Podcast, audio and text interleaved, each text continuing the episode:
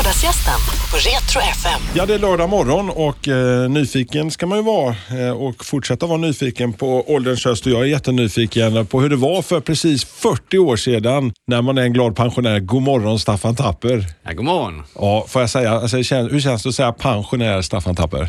Ja, det är ju inget begrepp som jag lägger någon speciell värdering. Det är, det är ju en sifferkombination här, 7-0 eller 70 eller hur man säger. Eh, jag är ju rätt så noga med eh, hur jag mår och ja. hur jag använder min tid så att säga när jag är äldre. Med, både med mat och dryck och, och promenader och så vidare. Så att eh, jag mår bra va? och det, det är det viktigaste för mig tycker jag. Idag så tänkte jag att vi ska ta oss tillbaks till en dag för 40 år sedan, för det är 40 år sedan som eh, miraklet på Olympiastadion. Malmö FF har tagit sig till Europacupfinalen 1979. Staffan Tapper, du var ju en del av gänget som tog er till Olympiastadion. Alltså, vad är dina minnen? Alltså, spontant när jag säger Europacupfinalen, då berättar jag om det här ofta. Ja, när jag sluter ögonen så är det nog mer jag ser resan dit. Eh, det är ju en gammal klassiker. När man väl nått målet och nått finalen så, så blickar man tillbaka på själva resan så, så, som man tog sig dit. Och det, det är ju den, tycker jag, som eh, man suger på när man har minnena. Va? Hur gjorde vi? Hur tog vi oss dit? Va? Jag sitter här med dig nu och tittar ut genom fönstret här och solen skiner. För 40 år sedan, precis nu, så hade vi nästan snöstorm i Skåne. Vi hade fruktansvärda förutsättningar. På radion var karakatastrof igång och det gick bandvagnar till Skurup och folk var isolerade. Vi kunde inte träna fotboll, vilket gjorde att förberedelserna eh, fick ju tas mycket ut i Europa. Och jag såg någon statistik här som jag tittar på själv att innan finalen, alltså innan vi börjar spela allsvenskan igen här på våren 79 så spelar vi 15 stycken träningsmatcher och alla är mot internationellt motstånd. 1979 ska vi då tänka att internationellt motstånd och de motstånden vi hade ute i Europa Alltså det här pratar vi om liksom i princip landslag för att det var ju begränsat på den tiden hur många utlänningar man fick ha i, i, i de internationella klubbarna. Det var det ju. Eh, de här klubbarna, man måste tänka på den tiden också att vi möter ju hela vårt Europaäventyr professionella fotbollsklubbar. Och då menar jag med att de spelarna som spelar de klubbarna, de är eh, heltidsprofessionella och betalda. Vi är det inte. Det är inte någon av oss som är professionell. Utan vi har ju arbete allihopa som vi måste sköta. För att eh, där är ju en tid efter fotbollen också. Och det gör ju så att säga med förutsättningar och eh, pressen på sig själv. Man har familj, man har fotbollen, men man har också ett, ett jobb som man ändå känner en viss ansvarsbit för, vilket är självklart. Vad gjorde du i det civila 1979? Jag jobbade på SE-banken och eh, nu hade vi ju en fantastisk direktör som hette Hans Cavalli Björkman och man kan kalla det vad som helst, eh, lite så att säga skenanställningar eller vad som helst, men ändå, jag själv personligen tog det väldigt allvarligt för att jag visste ju om att det blev en sida av det efter min fotboll och när jag sen slutat fotbollen någon tid efter så, så avancerade jag lite inom banken. Jag blev kontorschef ute på Limhamn och det hade jag inte blivit om jag inte hade tagit vara på den tiden som jag hade i banken under tiden jag spelade boll, helt klart. Kan du ta oss igenom hela Europaresan, det som ledde fram till den där dagen i maj, München, Olympiastadion? Alltså första matchen. Ja, första matchen är ju i september 78 eh, mot Monaco. Och då ska vi komma ihåg att på sommaren där så är vi ju åtta MFF-are i VM i Argentina. Eh, vilket också gör ju att det, det, det, är en bra trupp vi har. Det är ett bra lag. Jag tror väl att allsvenskan 78, även om inte vi vinner ligan, men våren 78 kan jag väl komma ihåg som att vi var ett enormt starkt fotbollslag och vi var bra. Vi var bra tränade.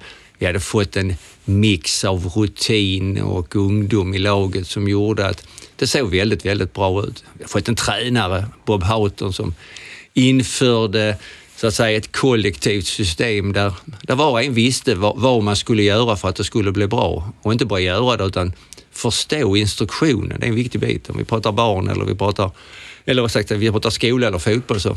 Om eleven eller spelaren förstår instruktionen från sin tränare eller lärare så har vi en förutsättning för att det ska gå bra, helt klart. Detta gjorde ju att, tittar du på åtta MFF i VM 78 och då hade vi spelare hemma som inte var med som som Christer Kristensson, Anders Ljungberg, Tommy Hansson, Tore Servin. Så att truppen var bra och eh, vi var bra tränade, vi hade en bra tränare. Så förutsättningarna fanns där. Vi spelade 0-0 första matchen mot Monaco. Eh, ett resultat som i gruppen var väldigt bra resultat, var vi väldigt medvetna om. Förutom då ni journalister och tidningar som tyckte att 0-0 är omöjligt att gå vidare. Eh, dålig fotboll och bla bla bla. Men eh, vi hade ju en bra inställning, tyckte jag, i äventyret att så länge inte de gör mål på oss, så länge, är vi kvar i turneringen. Och det var med den inställningen vi åkte till, till Monaco. Det är också förberedelser och förutsättningar. Vi kommer till Monaco, vi bor fett så fint nära stranden. Matchdagen är vi och badar. Jag tror vi har fantastiskt fina bilder där vi alla är i badbyxor. Ja, men jag har sett den strandraggarna ja. nere i Monaco. Det är Monaco, ja. Så att det, det var väl sånt man, man förberedde sig. Okej, okay, man vilade på eftermiddagen till match, men att man gick och badade lite på förmiddagen, det, det tog man inte så allvarligt. Och var det ingen som berättade för en att det inte var bra, va? Så, så var det ingen som la aspekter på det efteråt heller. Så att eh, den matchen eh, vinner vi ju sedan med 1-0. Samma sak där, vi är starka defensivt, vi är starka försvarar oss och eh, det är ju en mur och de ska tränga igenom och det lyckas de inte med. Sen tar vi ledning med 1-0 och då vet vi precis som då som nu att göra mål på bortaplan var väldigt viktigt. Så att det är väl en liten sensation här med Furstehuset ja, Prins Ranier och ja. Grace Kelly och Stephanie och ja. Satt de på läktaren eller? Ja, de kändisarna de hade väl räknat hem den här segern ja. så att det blev inte så populärt efteråt för dem. Va? Men, men även hos oss, jag kommer ihåg, det var väl inte så stor uppslutning från press och TV och allt vad det är för någonting för att eh, man hade väl inte räknat med det direkt. Man har nog inte förstått riktigt liksom hur stort det här kunde bli. Nej, inte i det läget. Ja. Sen, det var ju svårt att gå vidare. Va? Det är, vi ska tänka också att här är det ju en turnering där bara de allra främsta spelare, alltså de som har vunnit ligan. Idag är det ju fyra lag från det landet och fem från det och så vidare och så vidare. Stor turnering. Då var det liksom mästarna som spelade. Vi ska, om, vi, om vi ska göra någon parallell idag, kan man göra den alltså som man ofta så här raljerar att det var dåtidens Champions League? Det måste man definitivt kunna göra. Mm. Där fanns ju det hette ju eh, Europacupen, sen fanns ju cupvinnarcupen och det fanns många andra cuper som poppade upp lite grann. Intertoto. Intertoto, där fanns uh, Fairplay och Tipsgruppen. massa, ja, massa annat. Och allt detta landade sedan i någonting som idag kallas Champions League och Euroleague.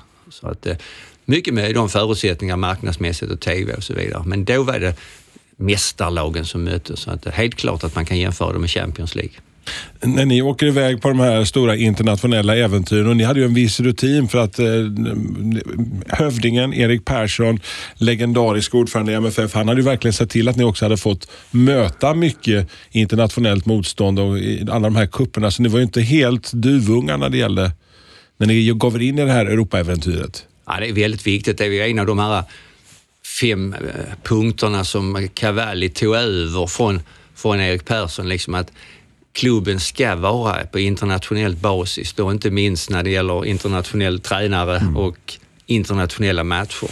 Man måste ut och spela boll i Europa för att förkovra sig och få influenser och intryck. Och det är en oerhört viktig bit. Vi får inte bli vår egen lilla ankdamm. Vi, det är ett litet land som det är ändå, så att det är en del av MFF, det är att åka ut. Vi ligger ju rätt geografiskt, vi ligger långt ner i söder, så att Eh, Eh, jag tycker det är en helt rätt princip och det ska, det ska genomsyra föreningen, inte bara A-laget utan ungdomslag. Ut och spela internationell fotboll, vara med i turneringar och så många inbjudningar som möjligt.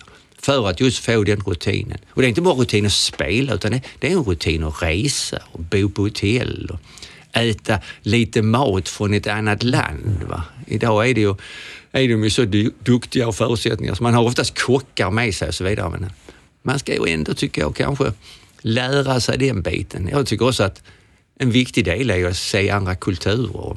Och där vet jag, alltså, det finns ju alla historier om, om hur hövdingen tog er faktiskt när ni var på några internationella äventyr från München och så vidare. Så var han lite guide gärna, liksom, han var ju väldigt bevandrad ute i Europa? Erik hade ett väldigt stort historiskt intresse, inte minst ett kyrkointresse. Va? Och, eh, det smittade väl av sig lite grann. Alltså, när vi kom upp, unga spelare, jag och Eh, Sepansky, Olsberg, Roland, så Jag tror alla vi läste historia i Lund, alltså i våra akademiska studier. Det kanske var lite en följd av Erik. Va? Så vi var rätt så väl pålästa. Och när sen jag själv blev äldre och var kapten här i slutet på Europacupen så var det till och med Bob frågade mig vad tycker du vi ska göra nu liksom?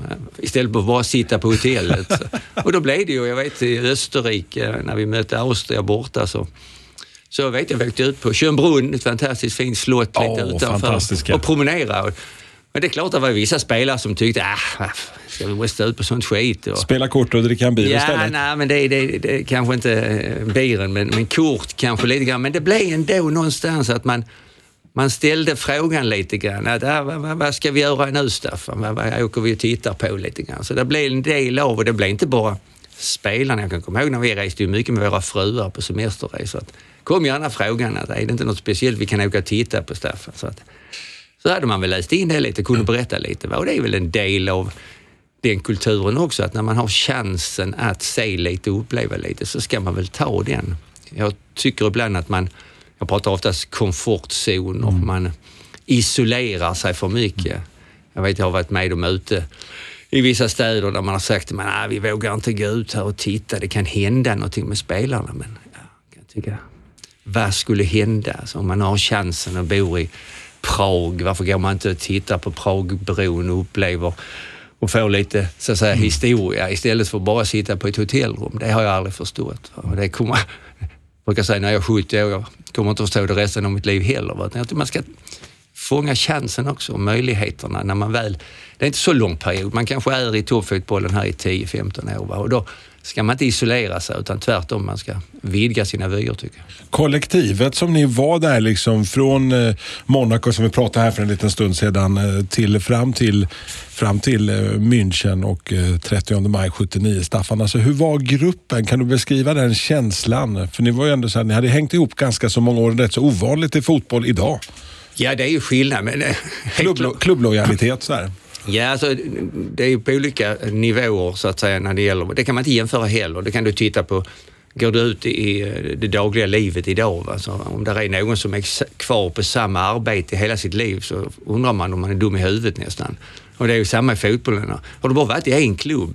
Nej, va? Var- varför har du inte flyttat på det? Varför tjänar du inte mer pengar? Och de frågeställningarna fanns ju inte då. Va? Man, man kom upp i sin klubb och man hade en, både en lojalitet och det fanns inte så många möjligheter att röra på sig. Det var inte den, de agenterna och den proffscirkusen och med unga spelare som finns idag. Va? Så att man blev ju väldigt knuten till staden och laget. Och, eh, laget återspeglade ju staden. Det- Vi var Malmökillar och Malmö såg ut på det viset. Det var de stora företagen här, Kockum, Addo och så var det pågar som, från Malmö som spelade boll i MFF. Tittar du på idag så är, ser ju Malmö helt annorlunda ut. Va? Det är en integrerad stad och, jag menar, och det ser vi på laget också. Va? Det återspeglar ju staden. Va? Massa spelare från olika nationaliteter och olika språk. Men så ser staden också ut. Alla rör på sig från ena klubben till andra klubben. Vi byter tränare. Men så, så ser ju staden ut med jobb och man flyttar på sig, man utbildar sig. Så att det återspeglar varandra. Vi var ju, eh, eh, kanske man kan säga, ett e- extremt kamratgäng också. Va? Det var inte bara vi killar, våra fruar träffades ju ofta. Vi reste ju ihop på resor med våra fruar. alltid. Sammansvetsade. Ja, verkligen. Va? Dansa och sjöng och sånt som man kan tycka idag att ja, det har väl inte med fotbollen att göra. Men någonstans så, så svetsade man samman, man lärde känna varandra. Och g- När man då kommer till gruppen ska prestera i fotboll, att man vet vad den andra gör och hur han är och hur han tänker. Får man då en bra tränare som svetsar ihop de här olika ingredienserna, då har man förutsättningar för att lyckas, helt klart. Tränaren, eh, superviktig. Bob Houghton, eh, mytomspunnen. Både han, Bob och Roy, liksom legendarer i svensk eh, fotboll. Hur svensk fotboll har utvecklats. Alltså, ditt första intryck när du träffade Bob Houghton när han klev in i klubben i mitten på 70-talet? otroligt påläst och oerhört stor kunskap. Både, alltså först så man tänka att han är inte så gammal när han kommer. Jag menar, vi får eh, nyheten att Bob ska komma till oss. Då är vi på semester nere på Kanarieöarna.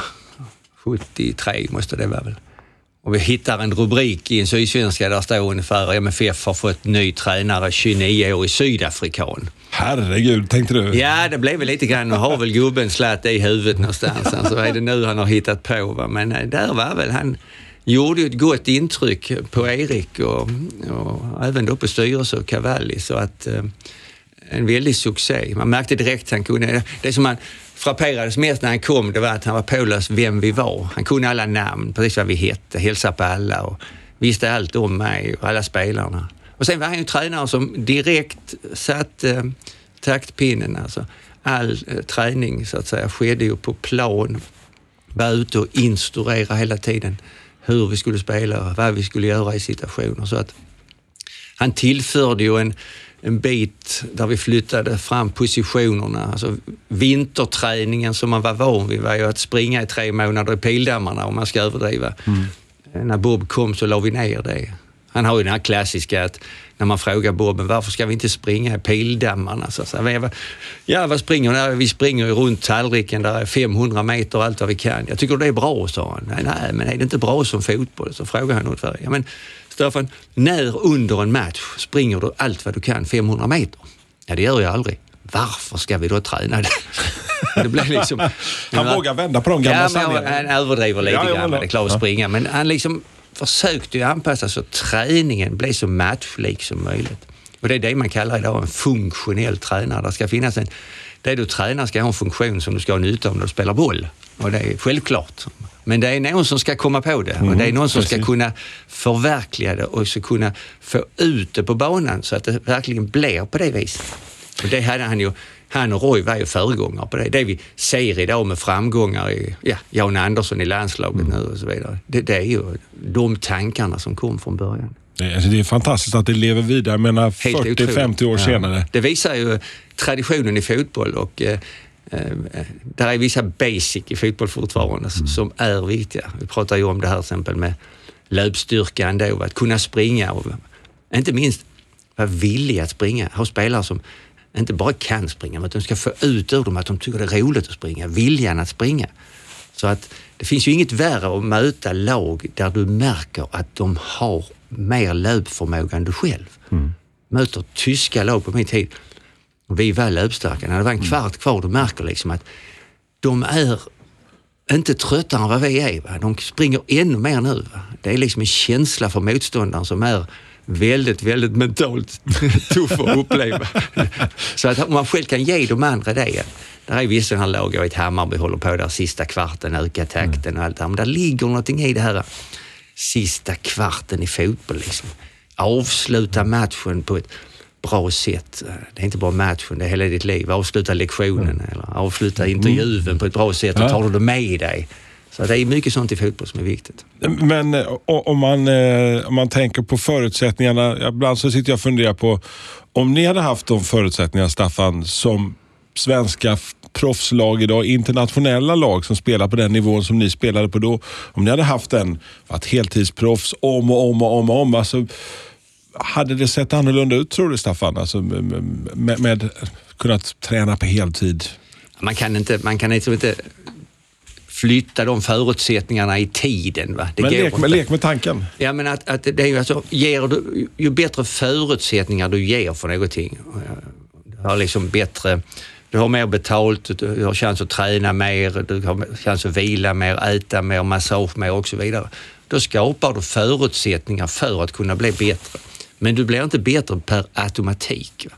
Eh, för mig är det viktigt också att du blir inte bättre för att du får mer betalt. Nej. Det måste man ha klart för sig. Nej. Vi kan köpa en spelare. Tror spelaren att oh, nu kommer jag till MFF och jag har fått mer betalt, nu har jag blivit bättre. Då är det rent galet. Däremot om man förstår att här kan jag få andra förutsättningar. Mm. Jag kan träna så att säga bättre, jag kan träna mer. Jag får massa olika tränare i fysik, i fotboll, teknik, hur jag äter, hur jag sover. Tar jag vara på de förutsättningarna, då kan jag bli bättre fotbollsspelare. Men det är upp till dig själv och det avgörs på planen. Det är ungefär som Bob sa att han hade ju oss, vi var icke-professionella, men han hade aldrig haft en mer professionell grupp i sin inställning till arbetsuppgiften på plan. Och eh, det är ju en oerhört viktig bit. För att det är inte bara att säga förutsättningarna. För kan du inte förverkliga förutsättningarna när sen matchen sätter igång, då är de inte värda någonting om man bara gör en liten avstickare till då liksom och kopplar ihop för 40 år sedan, 40, eh, precis för 40 år sedan när ni gjorde den här resan. Nu 2019 så gör Eh, MFF av idag, samma resa, Stamford Bridge och eh, spelar mot Chelsea. Lite samma underdog-känsla. Definitivt. Eh, jag, jag, när jag, så jag summerar lite grann, vilket jag tycker är roligt att göra, så är det många likheter mellan 70-talet och 2010-talet. Eh, inte minst då att eh, för 40 år sedan så stod vi i en final på Olympiastadion. Jag kan se den lagbilden framför mig. Och nu ser jag en lagbild framför mig 2019 där vi, där vi står på Stamford Bridge mot Chelsea. Och här är 40 år emellan och de här 70 och 10-talet med fem ligatitlar eh, ut i Europa mycket, var vi båda. Och gör ju att vi på något sätt definitivt eh, ger oss själva en plattform ut i Europa för nästa steg. 70-talet gjorde en plattform att vi kunde gå in i 80 och 90-talet som en professionell fotbollsklubb, rent ekonomiskt. Vi kunde liksom på något sätt hitta en ungdomsstruktur, ungdomsproffs och så vidare. Vi fick lite bakslag, det får man alltid, men där fanns någonting i grunden i MFF som finns fortfarande. Det är samma sak här, vi har ett tiotal här med fem segrar ute i Europa, god ekonomi. Och det känns som nu att förvalta det här också, va? men det är två fantastiska årtionden med två fantastiska slut på årtionden, både 79 och 2019 som jag tycker har väldigt stora likheter. Jag har gärna bilder framför mig, som du säger, om skapa. Jag har liksom bilderna när jag ser den eh, lagbilden på Olympiastadion. Jag också ser då en bakgrund med väldigt, väldigt mycket blåa, ljusblåa fanor. Det var väldigt mycket folk. Jag uppskattar väl en 10 000 nere i München. Och när jag då ser bilden på Stamford Bridge med de supportrarna som är med bakom mm. som på ett dominant sätt eh, hejar fram sitt lag. Mm. Så där är många likheter. Där är stor förankring mellan så att säga folket, staden, MFF, identiteten som, som är väldigt lika och som, som aldrig går ur, eh, tror jag. Kan du få rysningar i kroppen när du, när, när du ser den där känslan? Du vet när de står där i ryttargången på väg in på ja, stadion. Absolut. Jag kan komma ihåg när jag själv gick ut och vi är tillbaka till, till maj 79 när, när vi går ut, jag går ut som kapten längst fram och, och jag har det minnet kvar nu att jag, jag tänker och ser ena kortsidan är väldigt röd i Nottinghams färg, men övriga stadion är ljusblå. Och jag har den här känslan om att håller tyskarna på MFF nästan? Ja. Utan, det var ju väldigt många som tog sig ner och där är ju, vi pratar här radio och berättelser, det är ju väldigt många människor jag träffar som har den här berättelsen i sig. Att de åkte dit, folk i min ålder, kanske både yngre och äldre. Mm sa till grannen, vi måste ner och titta. Vi tar tåget, vi tar bilen, vi tar bussen, vi tar husvagnen. Och så strömmade man ner där, ändå 10 000 människor. Det är ju många underbara berättelser nu när man träffar dem. Och sedan hur de har levt med detta, så att säga. Att MFF tog ett steg ut i Europa, precis som vi gör nu. Vi är ändå ett lag bland kanske 20-30 där man läser och ser vilka lag som är kvar i kupperna och där finns MFF. Så att man tar ett steg framåt. Det ska man förvalta det här steget på rätt sätt som vi säger. Det, mm. Allting i fotboll går väldigt fort. Ja. Men, men, det kändes ju lite grann som eh, 79 så var, även om det var hatkärlek mot MFF från eh, rivaliserande klubbar runt om i Sverige, så var det ändå lite grann Sveriges lag upplever man ändå det här att man var stolt över att MFF hade tagit det här steget för svensk fotboll ut i Europa. Definitivt. Det ser man nu också tycker jag alltså även nu 2019, mm. att svensk fotboll, det hör man ju, det vi har sett på, på TV, man ser de reportagen innan de här matcherna, det är rätt fantastiskt. Det är ju nästan en och en halv timme i TV som mm. de berättar om MFF. Man mm. glömmer mm. nästan vilken marknadsföring MFF får i den här biten. Med allt, och det är liksom i, i en anda hur bra MFF är och har varit och hur duktiga de har varit att förvalta och så vidare det är ju rätt fantastiskt att, att man kan få den. Och det är ju folk som sitter och när du pratar med klubbar eller folk eller idrottsintresserade så, så har vi ju ett starkt namn i fotbollssverige, helt klart. Vi flyttar oss eh, från Monaco-matchen som vi började här, den här resan på väg mot. Vi kommer på massor med fantastiska sidospår. Men jag vill landa i en, en bild som, det är en sån legendarisk fotbollsbild. Snödrivan, Tore Savin, Wisla Krakow. Eh, berätta eh, om den matchen. Ja, jag ska snabbt bara dra också. Vi slår ju ut Dynamo Kiev också. Det ska vi också ta. Emellan här, va? Ja. Och eh, det är också sådana här bitar att komma ut, som man säger. vi har ju ett annat eh, världssamhälle 1979. Vi har ett östblock, vi har ett, eh, ett Sovjetunionen som är så att säga, där är en mur runt omkring. Eh, att komma ut till de här länderna, det, det var inte så lätt heller med mat och ja, alla faciliteter. Landar i Moskva och ska ta buss på flygplatsen från utrikes till inrikes och kör på ett par vildsvin och bussen stoppar och vi kommer inte vidare och polis och, så vi får sitta där flera timmar. Och, och jag menar bara, bara att man kör på vildsvin inne på flygplatsen, det är liksom, ja, ja. det är otänkbart nästan. Så att det, det, är också en bit eh, långt ifrån. De är ju ett starkt lag. Men sen går vi vidare och kommer in eh, i 79 mot Wisla Krakow. Och det är ju samma sak här med förutsättningarna. Det är matchen först där nere, det är dåliga planer och dåligt väder i Europa. De bilder man har är ju, ja, vad ska jag säga, det är dynga om man kan säga vad en spelare är. Du har en leråker där. Ja, men det är det. Va? Och det, det, då ska du också anpassa så att säga, spel och det går liksom inte. Man säger idag vi ska ha tålamod och rulla runt bollen. Det finns ju inte en chans liksom. Att man måste liksom läsa av förutsättningarna också. Vad är, vad är det vi ska, hur ska vi göra? Vi förlorar med 2-1 sen hemma kommer vi i underläge också med 1-0. Det ser ju rätt mörkt ut men det finns ju en, en kraft i oss. Vi ska inte glömma heller att Bosse Larsson blir skadad. Så att vi måste liksom justera om lite i laget. Christer har slutat och eh, vi vänder detta ändå genom att vi, vi får en straff i andra halvlek. Buskas slår dit och sedan så nickar Puskas in i ett och sen får vi en avgörande frispark som Roy skjuter. Målvakten lämnar en retur och Tore slår in returen. Och det, är, det är också ett sånt mål som man kan tycka det är slump, men det är någonting vi tränar så var det faktiskt liksom de här avsluten och returerna. Alla övningar med Bob när man, eh, man så, sköt på målvakt i princip, mm. så fick man, man hade lite tävlingar, så fick man ett poäng om man gjorde mål. Men man fick två poäng om man slog dit returen. så att det låg liksom i oss någonstans att returen är så jäkla Ni ville vinna internt där också? Ja, med de här bitarna. Och då, då gör vi ett sånt avgörande mål på en målvaktsretur och det är rätt fantastiskt. Sen är det ju det här liksom att tittar man runt omkring. Det är, jag bor själv i Skurup och man kommer, kan knappt komma in, så mycket snö det är.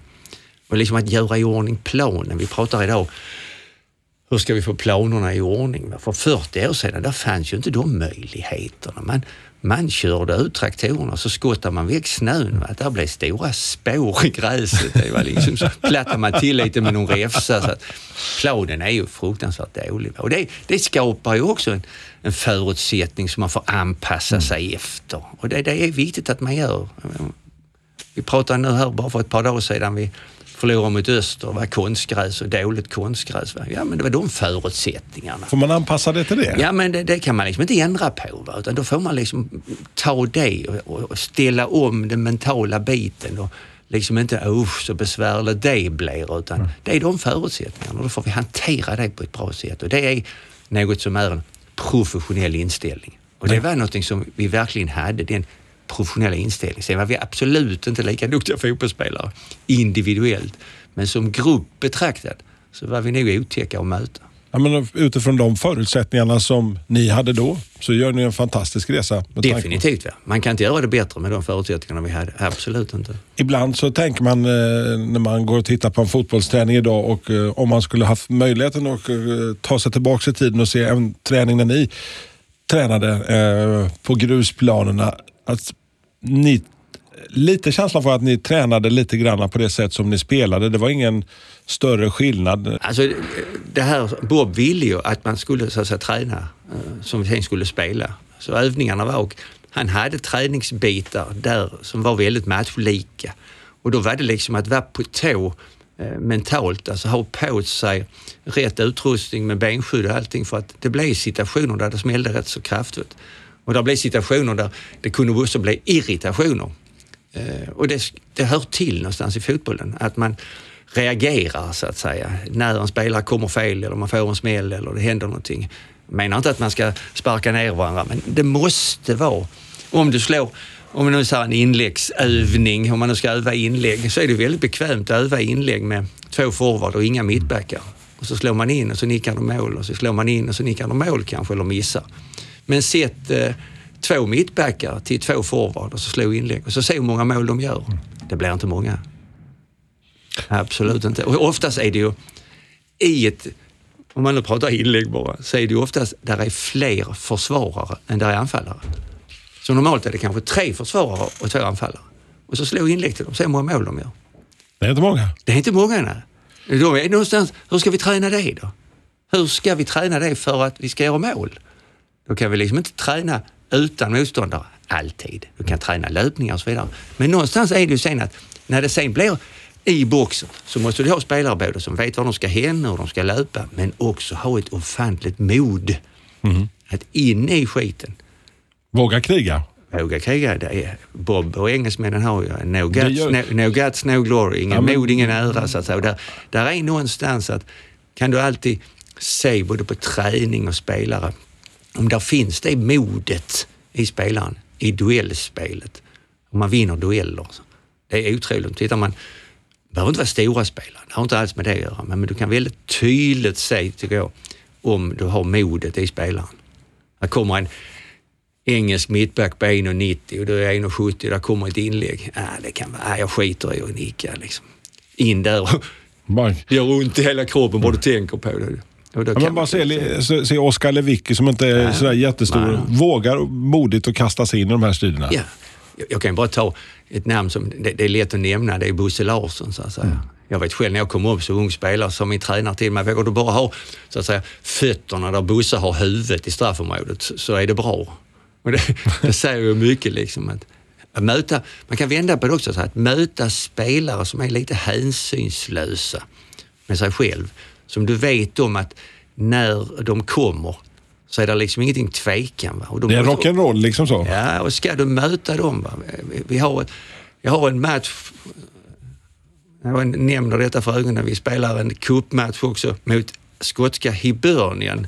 Nu pratar vi slutet på 60-talet. Och vi förlorar med 6-0. Och vi är rätt så bra lag ändå. Va? Vi stora spelare, Christer Kristensson, Bertil Emstedt, Tejpen, jag själv och Bosse. Vi är fullständigt chanslösa i deras boxspel. Alla deras inlägg de slår, när de kommer och forcerar in bollarna i mål. Va? Och det är som jag säger, det var ingen av oss eller, som inte vågade så att stå upp. Va? Men den hänsynslösheten som de visade i inläggsspelet, det var det kunde vi inte stå emot ens en gång. Så att där är vissa bitar där man kan läsa av spelare och möta lag som är på det viset. Det, det är tufft. Så att. Jag tänker på ibland när man ser bilderna från era träningar på grusplanen. Alltså hur, hur ofta satt du efter träningarna och plockade grus ur knäskålarna och på skinkorna? Och, Ja, man hörde till att det blev, när det blev glidtacklingar så, så, så skavar man skinkan och knäna. Och det har, de äran har man ju kvar nu. Va? Det är ju alla som skojar och pratar om. Man hade ju varbildningar och, eh, på madrasser och lakan som, som fick tvättas rätt så ofta. Men det var någonting eh, som man, som man tänkte på, för de förutsättningarna fanns där. Man tränade och spelade på grusplaner. Så att man blev väldigt glad sen när grusplaner började bli lite mjuka. Det började bli lite tö. för då, då blev det inte så farligt. Det blev lite kläggigare men själva den biten var inte så farligt. Sen så var det ju svårt i den tiden också med de förutsättningarna att träna så att säga, teknisk fotboll. Att det som vi pratar idag, vi ska att bollen har en stor passningsskicklighet men äh, gå ut på en sån plan och försök, det går ju inte ju. Eh, Så att man fick liksom anpassa sig efter de bitarna. Man blev, man blev bättre på ett annat spel så att säga vi ska förflytta oss till eh, de där sista upplösningen. Ner, när hela Malmö, hela Sverige förflyttar sig ner till Olympiastadion. De där veckorna, uppladdningen inför München. Alltså hur, hur, hur laddar ni upp de där? För det där var ju en århundradets match för er. Eh, hur gick snacket i gruppen? Hur, hur laddar man för en sån match? Alltså vi laddade inte speciellt. Det är tillbaka till det. Vi hade familj och arbete. Så man gick ju på jobb som vanligt. Det är klart man träffade folk på banken som frågade en, hur tror du det går? Och, det gjorde ingenting, man pratade med det så att säga. Men man fick ju fokusera på vad man skulle göra till kunderna. Och sen tränade man också på eftermiddagen och MFF. Och man spelar ju allsvenskan och de matcherna emellan, det är också viktigt, har vi sett här också, att det finns ju mellanmatcher mellan de stora. Det är inte så lätt att hantera, det är jag helt mycket medveten om. Det finns en gammal regel liksom att det är svårt för lite mindre lag att vara fokuserad på många olika troféer. Det är väldigt få lag som vinner både liga, cup Champions League och allting. Va? Många misslyckas ofta och går vi ner till oss själva. Va? Så att både vinna liga, cup och gå vidare i Europa, det har vi aldrig gjort. Va? Och det är svårt. Va? Och det ser vi här nu också. utopi lite så. Ja, men det blir det. Man, man liksom gapar över mycket, men det är svårt att ha laget fokuserat på så mycket och ha förutsättningarna, ha truppen, ha motivationen. Det är lätt att säga det, men därifrån ord och gå till handling, att verkligen kunna det. Det är rätt så svårt. Va? Eh, Så att det, det var en del. Annars, man hade familjen och man hade släkten och det var liksom inga större konstigheter med det. Där blev ju en bit man märkte och det kan jag märka än idag. Alltså när jag går i stan här, jag tar min ryggsäck nu och går hem härifrån så, så träffar jag mycket folk. De vet vem jag är och jag behöver inte ha en MFF-tröja på mig längre utan Nej. man vet vem jag är ungefär. Och det är många som nämner det här. eh, Nu är det 40 år och 79 och så pratar man nu Chelsea och allt det här men det var ju samma sak då ungefär. Va? Vi, vi fanns ju mycket, mycket mer bland folk än vad de är idag. Idag är de ju som jag säger inne i komfortzonen. De går inte ut och äter eller ut och dansar eller ut och jobbar utan man är ju sluten, bra eller dåligt. Jag bara konstaterar att det är så. Men det var ju inte vi ju. Jag menar min familj, jag gick ut med hunden, jag gick ut med barnen och barnvagn och jag gick ju på jobb dagligen så att säga. Jag träffade ju otroligt mycket folk som pratade naturligtvis med om detta. Och det var ju rätt så vanligt. Det tyckte inte vi var så konstigt. Idag, jag menar skulle du ha en intervju med en av spelarna så hade du fått ringa någon som bokade och som bokade till. Och Ja, ja, och de det, är- det är som Fort Knox lite Ja, det är en hel vetenskap. Riksbanken där. Ja, nej, här kom, hade du varit min tid så hade du kommit in på banken och frågat Staffan, hur är det idag? Så att det, jag sa inte rätt eller fel igen, utan jag bara konstaterar att, att det är så. Men det innebär ju också att eh, det är lite svårare för spelarna idag att veta hur samhället ser ut. Jag tänker bara på, en, på sådana klassiska svartvita bilder från framförallt eran tid och även landslagsbilder. Journalister som sitter och eh, surrar i omklädningsrummet, halvnakna karlar och så sitter ni där och tuggar efter, efter Ja, match. ja. Det hade aldrig hänt 2019. Nej, nej, jag, jag, jag, det, kan, det samma sak där. Att det, det kunde väl bli till överdrift det också. Att, eh, journalisterna flög ner till München, det var ju samma plan ju. Hela ja, ja journalistkåren flög ju i samma plan. Va? Och man pratade ju med alla de här och fram och tillbaka. Man kände dem sen landslag. Och nu blir det inte bara menar, pressen här nere från Arbetet, Sydsvenskan, Kvällsposten, Skånska vad de heter, utan där blev ju även då rikspressen med Dagens Nyheter och Aftonbladet och, och massa andra tidningar och journalister och radio och TV. Det blev ett stort sällskap så att säga. Men man reste ju reguljärt och man reste ihop. Eh, det, det gör man ju inte idag. Va? Det, kan jag, det kan jag väl hålla med att det behövs en viss... Eh, idag är ju en finns ju en annan så att säga socia, sociala media-mentalitet. Att här hade ju liksom allting kommit upp på sociala medier Ja. direkt. Va? Och där, därför finns det en större oro att hantera det på det viset. Det förstår jag också. Men där fanns ju ett förtroende mellan oss också, mellan när man umgicks. Va? Man, man kunde prata om saker som man sen inte skrev om. Det, det tror jag inte finns idag. Va? Nej, där Den- finns ju nog inga hela ko. Nej, nej, kor. det tror jag inte. Va? Och det, då får man acceptera det. Va? Men samtidigt så kändes det ju rätt så roligt att jag är ju som människa, precis som jag säger, att jag gick på jobb, då är rätt att prata med folk. Och det, jag menar, det, det är ju, där är ju, även om vi, de tyckte att vi hade kanske gjort en dålig match eller någonting så, så om du inte, när du pratar genom media så kan du, jag brukar säga kräka av dig. Mm. Men om du pratar man till man, står framför personen, så säger du inte samma sak. Nej. Det blir ju en mjukare formulering. Vilket jag kan tycka var bra, just att man träffas av den anledningen. Lite mer rakare på något vis. Ja, ödmjukare. Du, du står inte framför någon och säger det du kan skriva på Facebook ungefär. Jag har ju sett bilder på eh, när ni flyger ner till München, den klassiska Lasse Holmqvist-dokumentären som dokumenterade er resa från eh, Malmö hela vägen ner eh, och på vägen hem också. Minnen från den här flygresan ner. Hur var stämningen på planet? Det, ser ganska så lugnt ut om jag får säga det.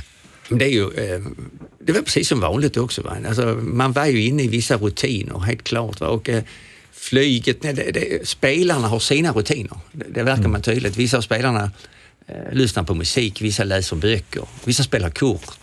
Och vi, traditionellt så spelar man ett kortspel, oftast fyra man tolva, par tolva kallar man det. Och det var väl Bosse tyckte om det och jag tyckte om det, Tore tyckte om det. Och då spelar man kanske vi spelar aldrig om pengar. Och det är också viktigt, va? för det- det är ju någonting som vi vet att det, det är inte bra. Va? Men äran att vinna. Det var precis som fotbollsmatch. Vem, var- vem, var bäst på, eh, på kort i, i laget? Ja, det var naturligtvis jag. Ja, såklart. Staffan var Tapper. Dum fråga tyckte jag. Nej, men det, det kan du fråga vem som helst. Men där kunde ju bli de här, eh, inte hårda ord, men diskussioner hur man skulle spela och inte spela. Va? Det är ju samma sak när, om vi spelar lite intern små matcher på träningen. Så spelar man om en lemonad, hette det.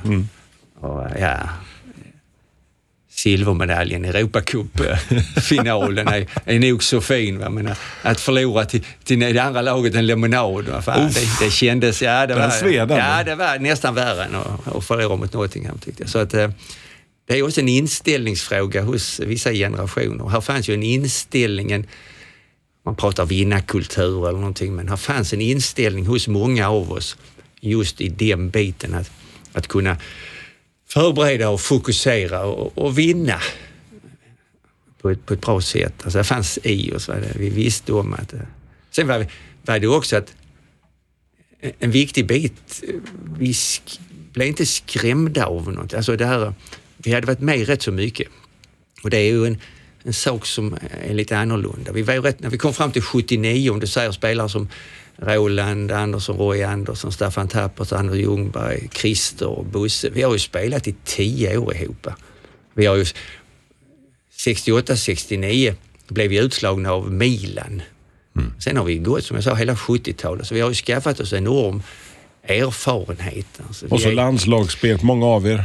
Sverige var i VM 70, 74, 78. Va? Vi är många av oss som har varit med här också, va? varit ute i Europa. Så det är lite Christer Kristensson-mentaliteten över det. Liksom att, vad de heter och hur mycket de har betalt och vilken klubb de spelar. Vi vet ju om att det är ju liksom på planen det ska avgöras. Det, det, det är ju inte, hur, det är inte var, vilken klubb de är i eller hur mycket betalt de har. För det har vi ju lärt oss under tio år att de har två ben och två armar. Va? Och sen så, det är kollektivet vi har. Så vi tittar ju väldigt lite på de andra och deras taktik eller vem de är och vad de är bra på. Alltså, vi är väldigt fokuserade på oss själva. Och det innebär ju också att när många av våra spelare, då, Christer är ju fantastisk på det, han har inte en blekaste aning vad de heter ens en gång. Det är journalister som frågar honom. Han, han, vet Han ser ut som ett frågetecken. han vet inte vem de är ens en gång. Han, han är inte intresserad av det heller. Jag kan tycka det var roligt ibland att titta på laguppställningar. Där är den och vi mötte han i landslaget. Och, men äh, det var också en, en, en kraft i det. Va? Det blev liksom en, någon sorts, man byggde upp själva. Liksom. Ja, fan, det, vi ska mötas på planen, det är där det avgör. Jag kan känna igen det lite när Åge Hareiden kom till MFF. va? Han, är min generation ju. Jag har spelat både med, mot honom också. Han, han hade det i sig också, liksom att ja, de får ju bevisa det på plan. Ja. Man bevisar inte det med plånboken ju, eller vad de är. Va? Så att, det, det, Det får- är lite den här både kaxiga och lite... Ja, lite Kalla grann. det respektlöst. Ja, det är li- lite malmöitiskt hoppas jag också på. Ändå, men det ska ändå finnas en ödmjukhet i det. Det kan vara svår balansgång här med ödmjukheten och framtoningen att, att, eh, att vi, är, vi är bäst ändå. Vi är Malmö. Ja, men det är det. Vi är Malmö, men det är vi. Och det, är, det förpliktigar, men det är också en styrka. Va? För att jag är helt övertygad om att det är många lag och många spelare som är lite sådär, när de möter oss, usch, nu ska vi möta Malmö. Erik Line Mayer, domare. Han blåser igång matchen den 30 maj. Eh, och det är som du säger himmelsblå fanor och så en liten klick med små röda Nottingham-supporter. Ta oss igenom matchen lite snabbt, Staffan. Den där eh, fantastiska kvällen 30 maj. Alltså förutsättningarna för oss, de förutsättningar man har, de har man. Så det går inte att ändra på. Va? Eh, Men det är ju lite grann skadedrabbat, det kan vi inte komma ifrån. Du med din tå. Ja, och jag menar Christer har, slutat, Bosse Larsson, Roy. Alltså det, om, man, om man jämför det laget vi gick in i turneringen med så är det ju liksom rätt många spelare som har försvunnit och eh, lite svårt att, att, att fylla på, det är helt klart. Bob har stora problem eh, att hitta så att säga tillbaka i den rytmen men ändå tycker jag med fantastiska unga spelare som stiger in här med, jag menar spelare som kommer fram under den här perioden som eh, Kinnvall och Prytz, de är 18 år. Va? Magnus är väl 19 eller 20, Kent, två mittbackar. Vi börjar turneringen med Christer Christensen och Roy Andersson och vi avslutar med Kent Jönsson och Magnus Andersson. det är, det är rätt så stor skillnad. Unga pågar på den tiden. Vi, på mittfältet börjar vi med Bosse Larsson och Staffan Tapper. Och de är ju inte med i finalen. Jag Bosse är inte med, jag är med en stund bara. Så att det är en central linje i laget här i ett block centralt som, som han inte har att disponera. Och han, jag vet Bob, han brukar säga det att hade det varit motsvarande att vi hade, vi hade behållit våra mm. och Nottingham hade fått ta bort fyra av sina mm. absolut mest etablerade spelare.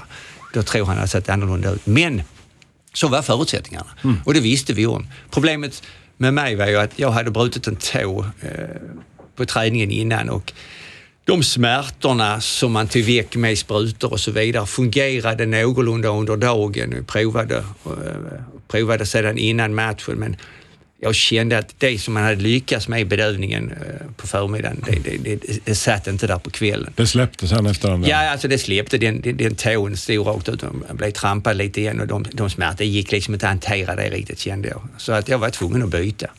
Och det var ju en tuff bit det också. Va? Eh, sen gör de 1-0. Jag har sett det målet i efterhand för jag ligger själv i, i, i omklädningsrummet. Men, eh, lite grann där att vi inte får eh, eh, press och understöd riktigt som eh, vi skulle haft, som vi tränar mycket på. Det inlägget skulle varit blockat innan och det innebär sedan att bortre stolpen, att spelare som heter Trevor Francis nickar in det.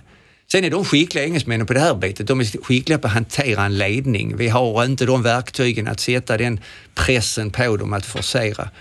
Eh, Kindvall har ju ett fantastiskt bra läge här i början på matchen också.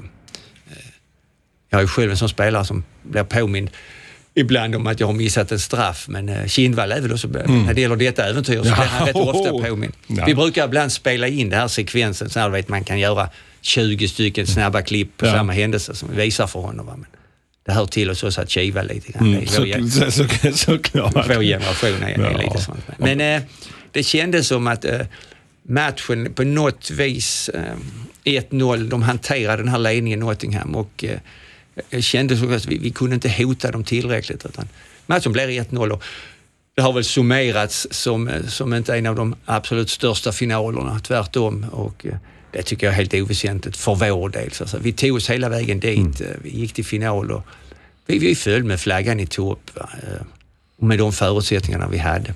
Eh, jag i efterhand nu så såklart, då, då kan du känna så här, liksom, vilken bragd man får ett historiskt perspektiv. Men där och då, det är väl som alla andra matcher, liksom, att jäklar, vi var ju så sjukt nära. Ja, men det tyckte jag. Vi, vi, visst, visst kom de tankarna eh, eh efteråt, liksom, det här med med, för, med spelare. Att, att, fan, det får man inte säga. Mm. Det är ju synd att vi inte, när vi väl hade kommit så långt, att vi inte kunde ställa på benen det laget som vi började turneringen med. Eh, du använde ordet bragd lite grann. Och det kanske var väl det som kanske efteråt visade eh, storheten i det hela när vi får bragdmedaljen, beslutet. Mm. Och det, det fick man väl känslan av att, eh, att man hade uppfattat det inte bara i Malmö utan i hela landet. Mm. Att Sverige och journalister och press hade följt den här bragden så att man tog sig hela vägen. Vilket om man ska jämföra idag nästan otänkbart att ett lag från en liten nation ska ta sig hela vägen upp till en Champions League-final. Man har ju skapat andra förutsättningar så att eh, det vi gjorde i år och hamna i på Stamford Bridge tycker jag är absolut jämförbart med att vi hamnade i finalen 79. En silverpokal som eh, finns vad då? Det delas ut en silverpokal som någonstans borde ha stått i ditt gamla museum här på... Var finns den idag? Ja, jag, jag, vet inte. Det är väl därför du frågar antagligen. Ja, eh, nej, men jag har finns, kikat efter det. Ja, det fanns ju ett pris. Jag var, eftersom jag gick av, av banan så var Puskas lagkapten och tog emot den här ja, plaketten som är ifrån och eh, på något vis är den försvunnen. Ja. Um, den heliga graalen lite så? Det kanske det är. Det är många som letar efter den ja. för att hitta ett nytt eh, heligt liv och ja. ett, kanske ett evigt liv ja. också. Men eh, vi har inte hittat den. Jag har hittat den här lite där är en inskription på den. Va? Den biten har jag hittat och det innebär ju att vi bör ha fått den med oss hem, om jag uttrycker mig så. För eh, jag kan inte påminna mig att jag har sett den och jag har inte träffat någon heller som var den har kunnat blivit av. Eh, så jag har inte den blekaste aning. Jag har sen jag och Hans Solinski öppnade museet här för ett par år sedan och gått igenom mycket grejer överallt. Så den har inte dykt upp, va? men eh, den kanske gör det någonstans. Där är kanske något dödsbo 1, 2, 3 någonstans och undrar vad det här är för skit som ligger här. Så ringer mig. För det är många som ringer och, när det är museet och grejer som är MFF. Men eh, hittills har det inte gjort. Va? Och, eh, Så är det någon som ligger inne med den här, eh, rå- råkar skulle, så här, så det är så här cold cases, det är sådana här efterlyst. så Ja, ja. Hör av er. Ja, så tar vi gärna emot den. Va? Och, fantastisk historia om vi kunde få veta vilken resa den här pokalen har tagit från Ja. München 79 fram till idag. Så att, eh, vi lovar både du och jag att vi ska göra ett reportage om det. Exakt. Och en eh, sista grej så här tänker jag att vi har ju alltid en liten fin ritual att våra gäster är i lördagsgästen får välja fram en låt som betyder fortfarande mycket. Om du får välja en låt Staffan som du kan spela på autorepeat, spela om och om igen, inlåst i ett rum. Om du bara skulle få välja en låt. Vilken, vilken väljer du Staffan då? Ja, jag väljer Herre Belafonte, Jamaica Farewell. För min generation spelare med fruar kan denna sången. Och när vi är ute och reser och när vi var ute och reste så sjöng vi den här Så biten. Skrölar ni den lite så? Och eh, både i eh, resorna med fruarna och de var med nere i München, så den biten som tröst sjöng vi och vi har sjungit den i hela världen. Av någon anledning som jag inte kan förklara. Men oftast hör jag Staffan, ska vi inte sjunga Jamaica Farewell? Så på något vis en hyllning både till spelarna och till fruarna som fick stå ut med oss under de här åren. Så låt oss spela Jamaica Farewell. Tack Staffan Tappel, det var en fantastisk resa du tog oss på. Ja, tack själv. Sad to say I'm on my way. Lördagsgästen på Retro FM.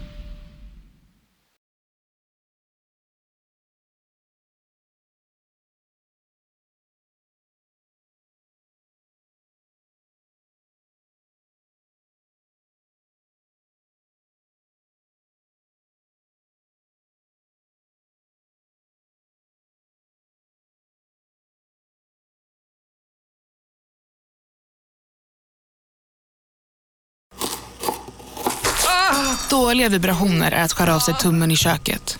Ja! Bra vibrationer är att du har en tumme till och kan scrolla vidare. Alla abonnemang för 20 kronor i månaden i fyra månader. Vimla! Mobiloperatören med bra vibrationer.